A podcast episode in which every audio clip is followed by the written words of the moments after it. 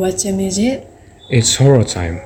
Hai Sobat Radar. Ketemu lagi sama gue Nadia. Dan gue Jason. Gimana nih kabar Sobat Radar? Semoga baik-baik aja ya. Akhirnya hot time balik lagi buat temenin Sobat Radar habis kenaikan kelas. Betul banget. Sama seperti episode sebelumnya, hari ini kita nggak berdua doang pasti guys. Karena kita bakalan ditemenin sama bintang tamu keren kita yang ceritanya bakalan buat kalian merinding. Waduh, siapa tuh kak? Daripada lama-lama, kita sambut Divya dan Naila.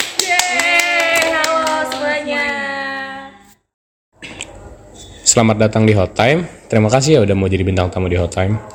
Boleh nih kenalan diri dulu, Sobat Radar pasti penasaran nih sama gestar kita. Mulai dari mana dulu nih? Kayaknya mulai dari gue dulu ya. Boleh. Nama gue Divya Nisa, biasa dipanggil Divya. Kalau lu semua tahu, gue tuh yang biasanya dikenal dari bahasa Inggris sih, sampai guru-guru juga kadang nyapa gue pakai bahasa Inggris. Oke, halo Divya. Halo kak. Selanjutnya, Em, pasti tau lah ya nama gue siapa. Eh, nama gue tuh Naila. Eh, biasanya gue dikenal paling terempung sih untuk bawa-bawa barang-barang gue. Hmm, boleh. Kayaknya sebelum masuk ke sesi utama, kita intermezzo dulu kali ya kak. boleh nih. Mungkin cerita-cerita dikit kali ya. Review dikit gimana nih satu bulan setelah kenaikan kelas. Boleh nih Divi dulu gimana nih? Boleh nih, kalau dari aku sih capek banget, apalagi buat kelas 12 ya, semangat Betul. banget. Soalnya kita capek banyak banget kegiatan, terus juga nyiapin diri buat PTN, ya gitu deh. Naila gimana nih Nay? Em, kalau aku sih ya, sangat-sangat benar capek gitu. Lelah, letih. Kalau Jason sendiri gimana nih?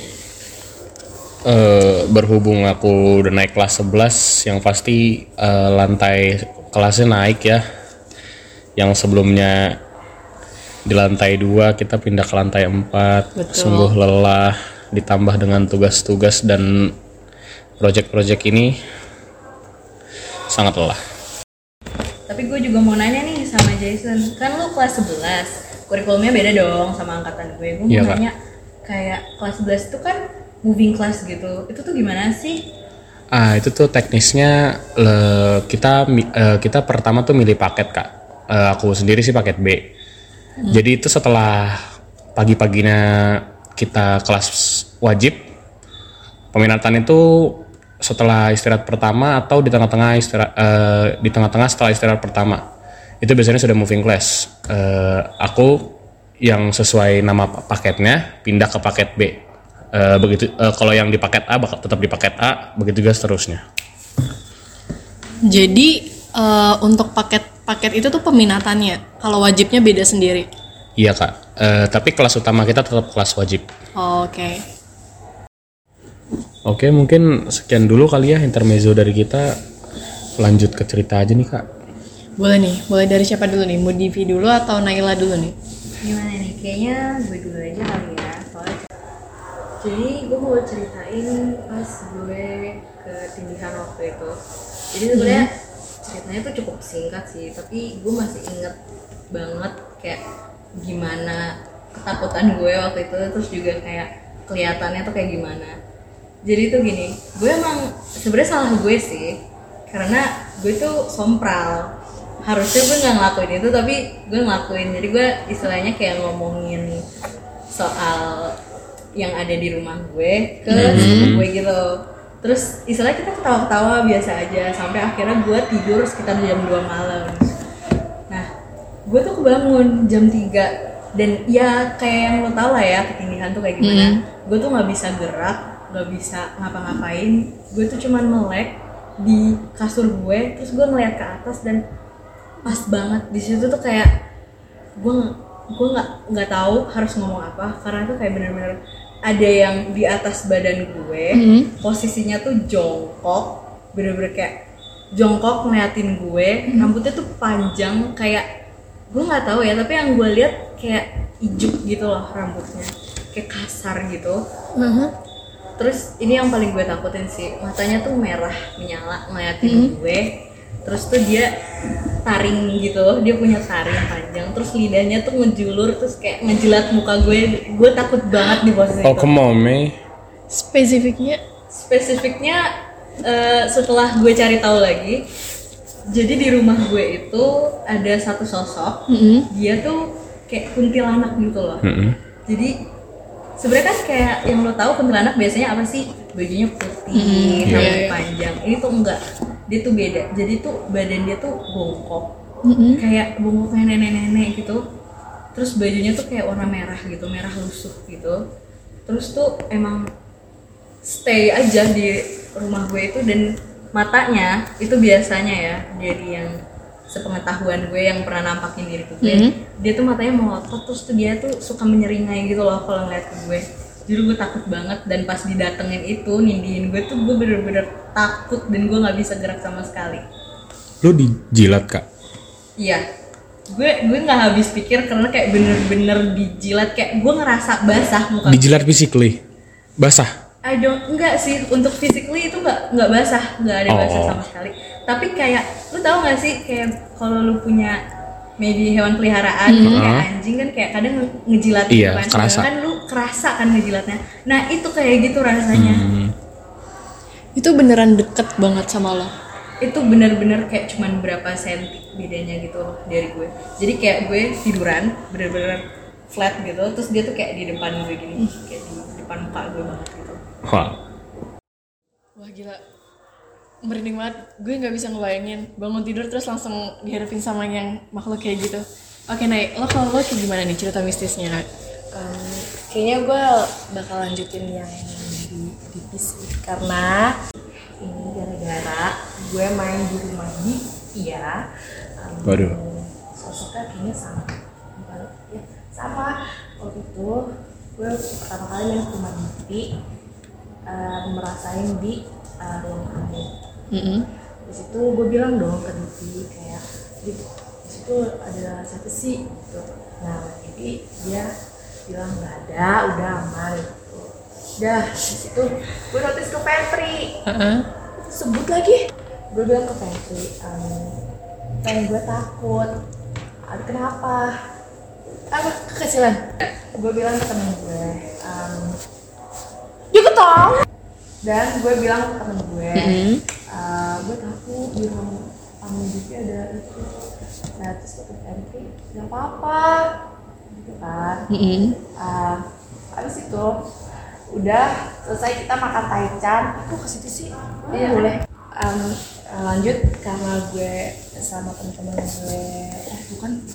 Ada cerita lah. Oke lanjut. Uh, gara-gara makan taichan tuh temen-temen gue pada ngumpul kan di Mm-mm. ruang tengahnya di I eh nggak di ruang tengah sih kayak di ruang TV terus yang lain pada asik makan taichan buat ternyata tuh kayak merasakan gitu dan kadang kayak kayak terpanggil gitu kalau orang yang bisa ngeliat tuh dari samping dari ujung mata mata Heeh. uh, walaupun dia begini juga kelihatan nampakin diri Iya, iya. iya. Samar-samar. gue pengen bilang gue pengen nyampein itu ke Dipi gue bilang kayak nanti ada yang takut nih salah satu teman gue Heeh. takutnya kayak ya takutnya kepikiran mau mimpi yaudah gue diem aja itu kejadian pertama Di rumahnya Divi. ya Oke. yang kedua Mm-mm.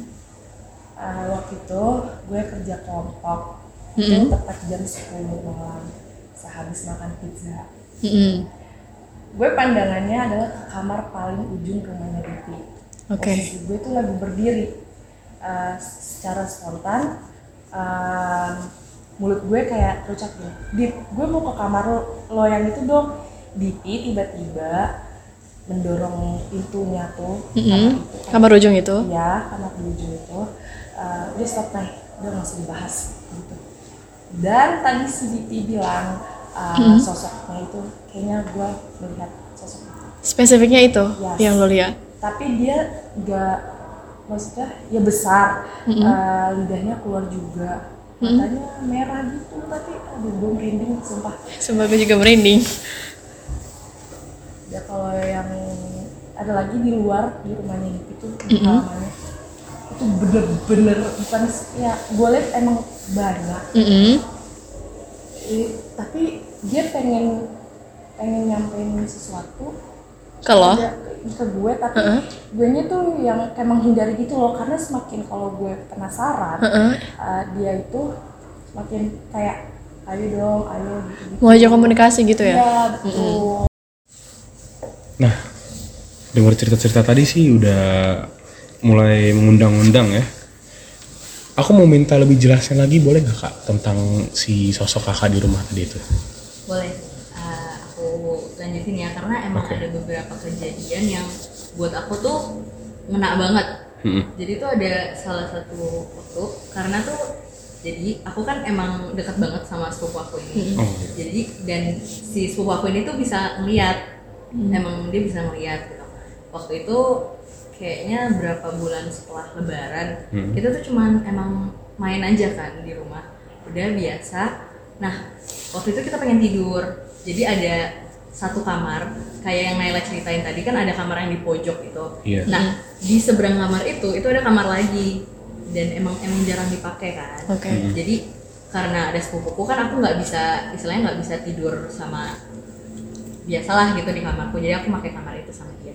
Udah kita tidur terus tuh dia kayak nggak bisa tidur gitu. Bener-bener kayak madep sana madep sini madep sana madep sini sampai akhirnya tuh nanya kayak lo kenapa sih rese banget tau gak sih? Kalau kayak gini mending kita nggak usah tidur kita di luar aja gitu.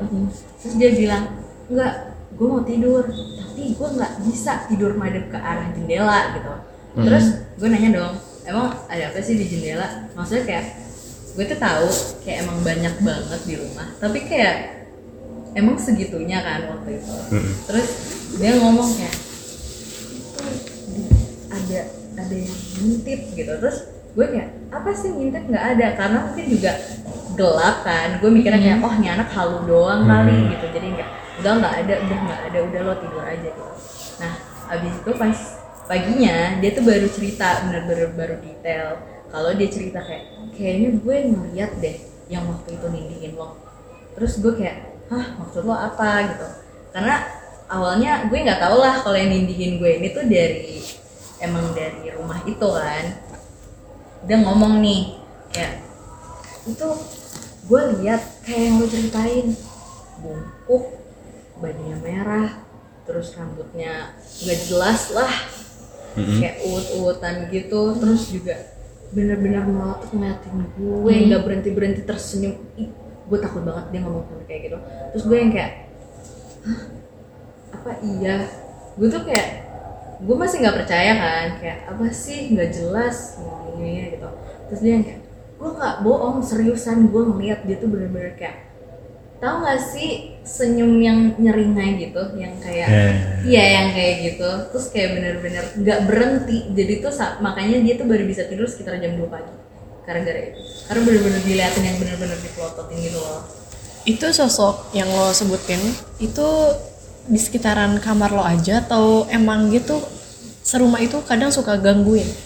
nih eh, menurut gue gue nggak tahu ya kalau misalnya kayak nyokap bokap gue itu bisa Mhm. misalnya diganggu atau enggak tapi gue ada cerita lagi yang lumayan konkret nih sini jadi tuh waktu itu masih sama sepupu gue yang ini eh, kan kita habis biasalah jajan gitu kan terus kita balik ke dalam rumah gue tuh masih ada urusan gitu lah maksudnya gue masih di luar kan Nah, udah tuh gue di luar, terus kan emang rumah gue tuh ada dua posisi gitu kan. Jadi tuh ada rumah nenek gue, terus ada rumah gue gitu. Nah, eh, di rumah yang gue ceritain ini, Mm-mm. nah jadi tuh eh, udahlah gue ganti baju dulu karena pas Mhm. dalam itu, terus pas gue masuk balik ke dalam, sepupu gue nih bener-bener kayak lari gitu loh dari dapur. Jadi tuh rumah ini tuh emang dapurnya di belakang. Kayak ada pintu, kan ada kayak lemari gitu terus kayak lu keluar gitu. Nah di situ ada dapur sama meja makan. Jadi tuh dia lari ke dalam terus dia ngomong, kalau udah ganti baju sih? Terus gue ngomong dong, maksud lo apa ya? Jadi tuh gue waktu itu pakai hoodie gitu, warna biru karena gue dari luar lah kan. Terus dia kayak, enggak enggak tadi gue lagi bikin ini di dapur terus lu tuh ngintip kayak lu tau gak sih ngomong ke samping gitu kayak jadi tuh ada lemari es gue Mhm. terus kayak Mhm. ngintip sedikit gitu ke arah samping jadi cuma kayak kelihatan muka gue sama Mhm. kayak beberapa bagian badan gue gitu lah Iya, cuma oke. kayak baju gue ngintip nah terus lu tuh kayak manggil gue gitu loh kayak eh ke sini Sini, tapi sini. nggak nggak ngomong. Hmm. cuman kayak cuman kayak gestur gitu doang. Iya.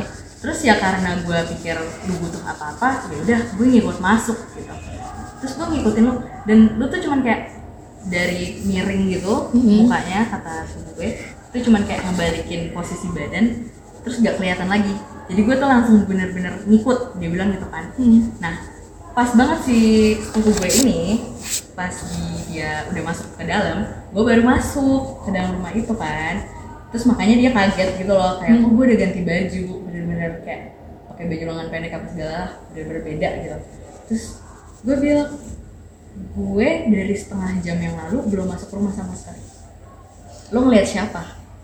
Lo ngomong kayak gitu. Terus dan sepupu gue bener-bener pucet yang kayak terus itu siapa itu siapa yang gue lihat yang manggil gue itu siapa? Itu lo kan? Lo nggak bercanda kan sama gue? Terus, terus gue bilang kan kayak coba deh lo bisa tanya sama nyokap gue.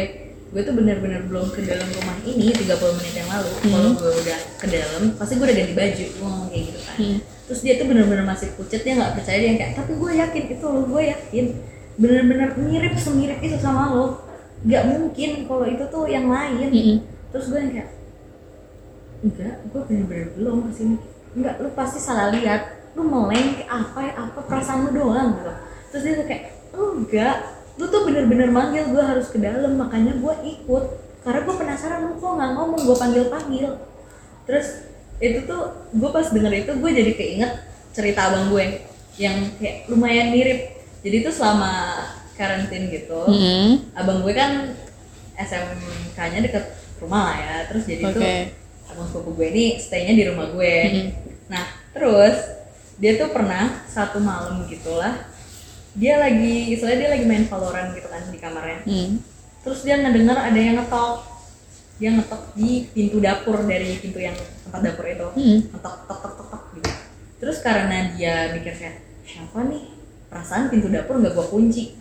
Udah dong dia jalan gitulah ke belakang kayak eh ini ada apa? Ini ada apa?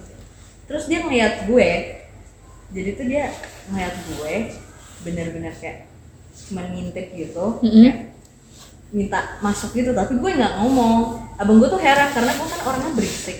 Iya. apalagi ke abang gue dan abang gue kayak ini anak kenapa tuh main diem cuman mungkin abang gue mikirnya kayak oh gue lagi capek atau lagi apa gitu. Akhirnya udah dibukain udah apa abang gue masuk lagi ke dalam kan. Terus pas dia nyoba nyoba manggil nama gue gitu loh kayak dek dek ini apa? Gini gini. Maksudnya kayak kenapa gue masuk tiba-tiba nggak ngomong? Nggak.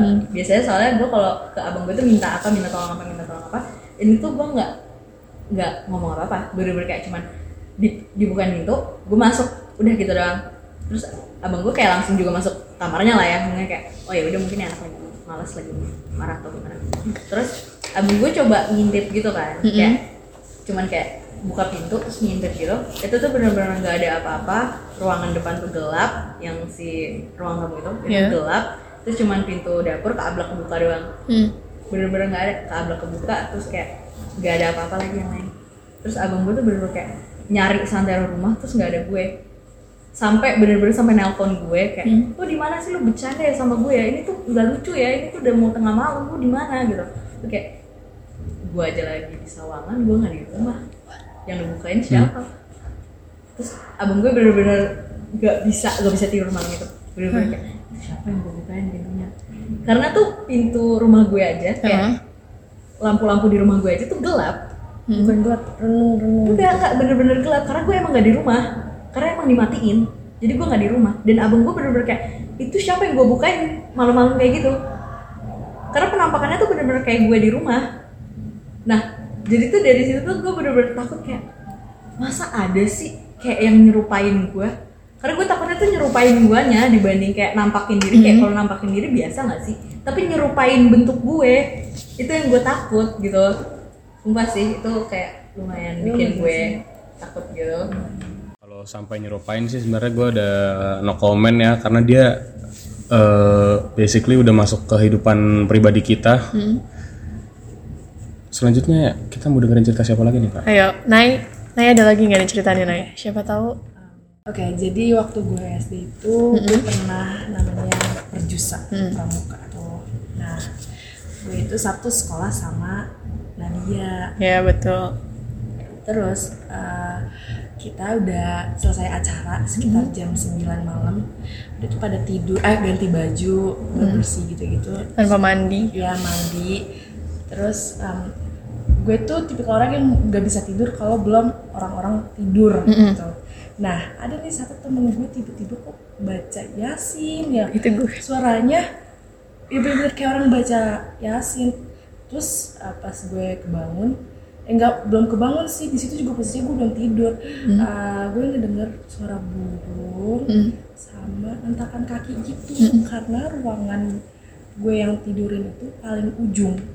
Dan di situ banyak banyak kayak bekas-bekas barang-barang yang udah nggak dipakai kalau nggak salah gue kayak eh, denger hentakan kaki yang tuk tak tuh kayak suara sepatu aja gitu sepatu tentara gitu kan gue nggak nggak negor eh, ini orang ini yang baca yasin tapi gue tahu orangnya siapa gitu. ternyata yang gue ini tuh si Nadia Oke, jadi ya betul. Kita itu kan satu regu ya, satu regu pramuka. Terus kita itu perju satu. Nah, perjusa itu kita dapat di ibaratnya kelas yang agak pojok, tapi nggak pojok banget. Jadi dua kelas paling pojok itu nggak ditempatin. Iya betul Ya, jadi kita di kelas ketiga. Jadi dua pojok itu nggak ada ditempatin, kita di, di kelas ketiga itu. Eh, bu- bukan kelas tiga ya? Kela- kelas kedua ya? Ya, jadi satu kelas satu kelas kosong paling pojok, terus kita di kelas kedua. Dan itu iya betul. Jadi gue tuh malam yasinan karena sumpah itu hawanya nggak enak kan, Nay? Betul. Nah, terus itu bener banget yang kata Naila bilang, sepanjang malam itu ada hentakan kaki, burung tuh berkicau sana sini, terus sama ada air kayak literally itu sepanjang malam. ya kayak suara keran gitu loh Hmm. kayak cik, cik. Iya betul. Kayak lo bayangin udah suasananya gerah, gak mandi, terus lo harus stay kalau misalnya udah ada peluit, terus harus dengerin. siap bangun Iya betul. ke lapangan gitu sedangkan sebelum kita disuruh bangun tuh gue merasakan itu sama Nadia enggak sih karena gara suara dia baca yasin aja jadi gue Iya, iya, betul. notice ke suara hentakan kaki Iya. gitu Ya. Ngomongin cerita mistis nih di sekolah. Kira-kira Dipi punya nggak nih cerita mistis di sekolah gitu? Mungkin bukan di 74 tapi di sekolah sebelumnya gitu. sebenarnya punya sih gue itu pas SMP jadi kayak cerita Naila pas perjusa gitu emang sih kayaknya perjusa emang banyak banget sih. Iya betul.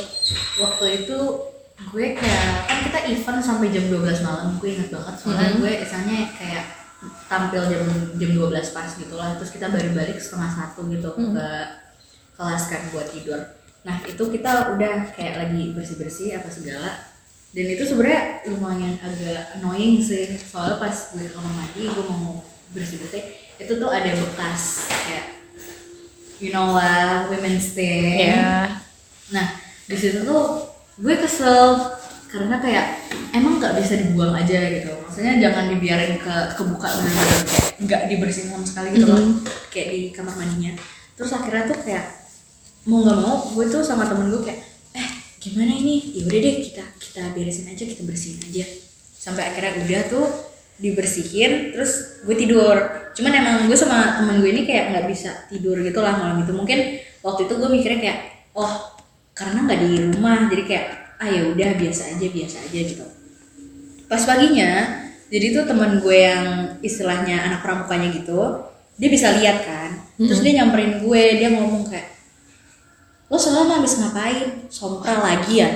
Terus gue ngomong enggak gue nggak ngapa-ngapain. Gue cuma bersih terus gue tidur gitu kan. Terus dia ngomong enggak ini soalnya gue nggak enak banget semalam gue nggak bisa tidur sama sekali.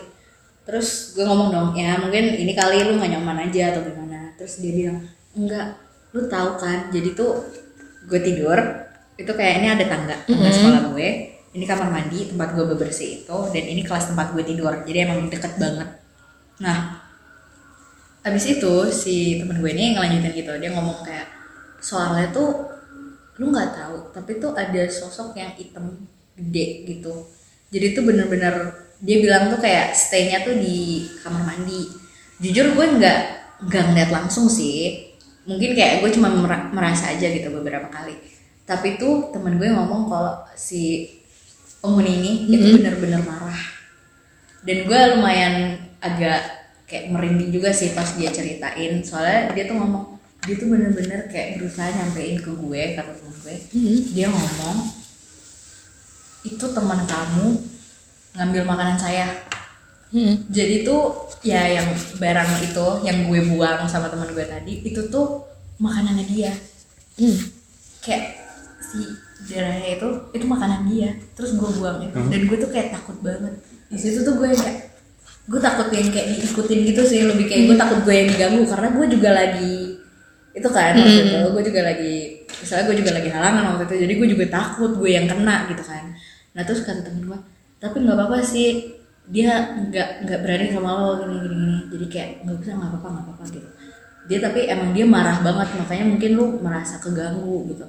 Jadi kalau menurut gue kayak gitu sih dari gue ya kayak cuman sekelibat gitu aja. Gue nggak ngeliat langsung tapi gue diceritain kayak ada yang marah sama gue gitu. Jadi menurut gue sih ya kalau dari gue pelajarannya sih ya lu gak usah terlalu ngotak ngatik hal yang bukan punya lu deh dibanding kayak lu macem-macem di macem-macemin gitu. Gue tuh kayak di situ kayak untung aja nggak ada yang kesurupan sama sekali di acara itu tuh lancar lancar aja. Coba kalau ada yang kesurupan gue kayaknya trauma sih Oh iya ngomong-ngomong soal sekolah nih kak, waktu itu kan lu pernah janji tuh di episode sebelumnya buat Ah, nyeritain yang di mana gitu, kalau nggak salah. Di UKS sama kamar, eh di toilet lantai 4 Oh, Yang mana dulu nih? UKS dulu lah. Oke, UKS. Jadi waktu itu hari Senin itu eh, badan gue kan kurang fit gitu. Jadinya gue nggak ikut upacara sampai selesai. Nah itu gue stay di UKS sampai istirahat pertama. Terus akhirnya ah gue nggak kuat nih. Akhirnya gue mutusin untuk eh, pulang lebih cepat pulang lebih awal. Nah itu sepas gue lagi di UKS itu semua yang sakit tuh kayak udah ke kelas masing-masing. Gue masih stay di UKS itu gue bangun tidur terus gue ngeliat sekelebat bayangan nggak tahu karena di situ gue lagi nggak fit atau gimana gue pengen ke toilet yang di, yang di UKS tuh nah terus di sebelah toilet itu kan ada jendela. Iya, ngarah ke halaman itu ya. ya itu pas gue bangun tidur terus gue pengen ke toilet sekelebat bayangan lo tau kan kalau dari samping mata itu bisa kelihatan? Iya. yaitu gue ngeliat sekelebat bayangan tinggi tapi full hitam. Tapi nggak kelihatan bentuk spesifiknya cuman tinggi gede hitam. Udah itu aja. Gedenya tuh se segimana? Se bangunan itu Eh, lebih kan? lebih lebih ngelewatin jendela. Ya, satu setengah meter, satu setengah, dua meter lah ya, dua meter. bisa bisa. Pokoknya ngelewatin jendela dan itu gede terus full hitam oke terus kalau di toilet lantai 4 cewek eh, mungkin sekarang anak kelas 11 yang sekarang cewek mungkin bisa tahu ya gimana. Jadi kan waktu itu lagi pelajaran geografi itu lagi pelajaran geografi terus Iya. yang siang itu tuh kayak udah capek udah lemes udah ngantuk terus gue izin tuh sama teman sebangku gue buat ke kamar mandi buat ke toilet gitu. Sebenarnya gue nggak mau buang air kecil. Gue cuma nemenin temen gue gue cuma pengen perhatiin muka gue doang gitu biar nggak ngantuk. Nah di situ tuh temen gue udah masuk tuh. Jadi kan kamar mandi perempuan itu kan lo masuk jadi kan di di luarnya itu kan ada kamar mandi eh, toilet khusus untuk guru perempuan kan. Iya. Kalau lo masuk itu ada satu toilet di sini, depan kaca, depan cermin. Terus di sini ada tiga bilik toilet. Iya. Dan itu gue ngeliat di bilik ketiga paling ujung. Di mananya tuh? Di kamar di toilet perempuan di bilik ketiganya. Jadi pas temen gue lagi buang air kecil, itu kan masuk temen gue yang lain sekelas juga. Dan kebetulan itu juga dua-duanya tuh pengen uh, buang air kecil. Jadi gue nungguin uh, handphone mereka bertiga tuh. Oh, Nah, udah tuh. Mereka yang berdua ini udah udah pipis eh udah buang air kecil duluan terus balik ke kelas. Temen gue yang ini nih masih lama banget. Yang teman sebangku ini. Terus gue ngaca benerin jilbab. Sekelebat bayangan itu di pojok di bilik pojok ketiga itu ada sosok hitam tapi lo ngerti gak sih? Pendek. Pendek tapi dia tuh lebar apa ya bahasanya kayak bantet. Hmm, oke, Iya. bantet. terus kayak sama kayak di UKS sekelebat gitu doang hitam. Tapi dia ini tuh kayak berasap. Ada uh, hawa-hawanya gitu. iya betul. Dan di toilet ini dia tuh nggak nggak full hitam kayak di UKS tapi dia tuh kayak ada matanya gitu. Kayak ada seringayannya. Bantet hitam kecil gitu tapi gede kayak jongkok gitu. Sekiranya itu sih yang pernah gue alamin di sekolah. Ada tapi ya jadi ranah pribadi aja deh. Hmm. Jujur gue amazed sih sama orang-orang yang ngalamin hal-hal kayak gitu karena gue pribadi ya kalau teman-teman lihat seumur eh, selama hot time ini gue nggak pernah cerita apa-apa yang keluar dari mulut gue karena emang seumur hidup gue nggak pernah ngerasain hal tersebut gitu loh makanya gue kadang-kadang iri gue juga pengen bisa ngeliat ya walau ini aneh sih tapi ya perasaan sekalipun belum pernah serius seumur hidup gue belum pernah ngelihat hal-hal tersebut kita doain ya semoga Jason bisa ngerasain Waduh, waduh, boleh, boleh, boleh. Amin Penasaran, nih? penasaran itu. Amin gak sih? Amin, amin. Oke, eh, berakhir sudah sesi cerita-cerita horor kita. Selanjutnya ada segmen yang sobat radar tunggu-tunggu dari kemarin yang sudah mengisi Google Form ya. Segmen tersebutlah SOS. Sebelumnya kita terima kasih banyak kepada Sobat Radar yang Iya. udah bersedia kirim cerita-cerita mistis kalian ke kita lewat Google Forms yang udah kita share. Terima kasih ya Sobat Radar. Terima kasih sobat radar. Oke, siapa dulu nih yang mau baca cerita dari Sobat Radar nih? Kayaknya gue dulu deh. Oke, boleh dipilih. Oke, jadi gue bakal bacain cerita pertama dikirim sama Anonymous. Jadi gini, ini pengalaman di rumah sih, pas lagi sepi-sepinya karena orang tua pada keluar dan kakak satu-satunya ada di luar kota buat kuliah. Waktu itu kayaknya jam 6 sampai 8-an lah. Lagi lapar-lapernya sehabis main Genshin. Ya udah, mumpung ada mie, bikin mie deh. Bikin mie goreng. Selama proses masak, ini tiba-tiba aku dengar ada suara perempuan nangis. Tapi aku berusaha berpikir logis kayak misalnya, ah bisa aja tetangga sebelah nih lagi nangis. Tapi masalahnya suaranya bisa tembus ke rumah itu cuma tetangga sebelah kanan. Jadi aku mikir, masa iya sih jam segitu nangis? Gak ada yang gubris atau kayak misalnya yang ngomong gitu bener-bener silent. Dan isinya cuma suara nangis doang. Padahal di rumah sebelah kanan ini tuh keluarganya rame, aka banyaklah anggota keluarganya. Di situ seketika pikiranku mulai bergelut ria sembari masih memasak ditemani overthinking dan suara tangisan yang terngiang di kepala. Singkat cerita, minyak tuh udah selesai aku buat. Terus aku langsung aja tuh ke kamar terus lanjutin main sambil makan. Selesai. Gitu aja sih, tapi masih kepikiran sampai sekarang karena suara nangisnya benar-benar halus banget sampai masih melekat di kepala. Oke, untuk cerita selanjutnya ada dari sobat radar kita berinisial N. Pada 2020 silam, saya suka sekali dengan hal yang berbau desain. Desain merupakan kegiatan yang sering saya lakukan. Hingga pada saat menjelang maghrib dengan keadaan rumah saya yang sunyi dan sepi, saya berencana untuk mendesain sebuah foto. Namun efek pada desain tersebut tidak muncul. Lalu saya berniat untuk merekam layar HP saya dan menanyakan masalah efek tersebut pada teman saya. Setelah saya merekam layar HP saya, saya melihat dan mendengarkan ulang rekaman tersebut. Namun, ada sesuatu yang janggal pada rekaman tersebut. Terdengar suara tolong saya dengan keadaan suara yang lirih. Saya tidak tahu suara siapa yang terdengar pada rekaman tersebut. Saya masih menyimpan rekaman layar tersebut. Oke guys, jadi rekamannya kayak gini nih.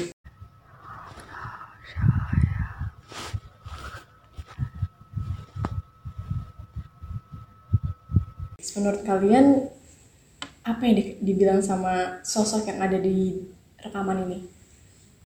Oke, selanjutnya cerita mistis dari sobat radar kita dengan inisialnya RSM. Jadi pengalaman horor dari sobat radar ini bukan dari pengalaman diri dia sendiri, melainkan dari papanya yang ngalamin.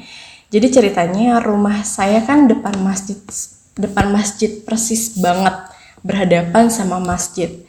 Nah pas hari itu papa saya habis sholat isya, terus ketiduran di teras masjid dan sekitar jam 11 atau 12-an masjid itu udah sepi dan gak ada orang. Terus mama saya mau bangunin papa saya, tapi papa saya pules banget nggak bangun. Ya udah mama saya balik lagi ke rumah.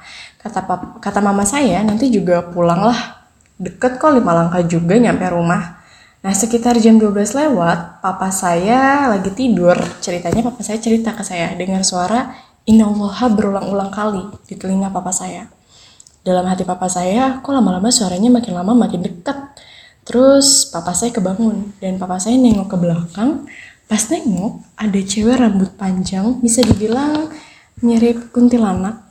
Dan papa saya di situ langsung buru-buru pulang karena kaget, panik, takutlah segala macam pokoknya. Dan keesokan harinya, papa saya minta tolong ke orang masjid buat lihat CCTV udah kenal juga sama orang atau staff yang ngurus masjidnya. Dan pas lihat CCTV benar ada. Tapi yang terlihat cuma bayangannya aja. Nah itu cerita horor yang dialamin papa saya. Terima kasih ya udah baca cerita horor papa saya. Semangat terus. Oke, semangat juga semuanya. Terima kasih untuk Sobat Radar yang udah mengirimkan ceritanya. Dan mohon maaf banget kalau misalnya ada cerita dari Sobat Radar yang belum sempat kita bacain. Berakhir sudah segmen SOS dan episode Hot Time kita pada kesempatan kali ini. Iya betul banget Sobat Radar. Sedih banget ya. Ya, Terima kasih juga buat Kak Dipi dan Kak Naila yang udah nyempetin waktunya buat eh, datang ke sini untuk mengikuti sesi Hot Time. Ya terima kasih banyak Naila. Terima kasih banyak Divi. Iya, sama-sama. Terima kasih juga ya buat kalian. Semangat. Sampai di sini dulu ya Sobat Radar. Mohon maaf kalau kita ada kesalahan kata. See you on the next Radar. Bye Sobat Radar.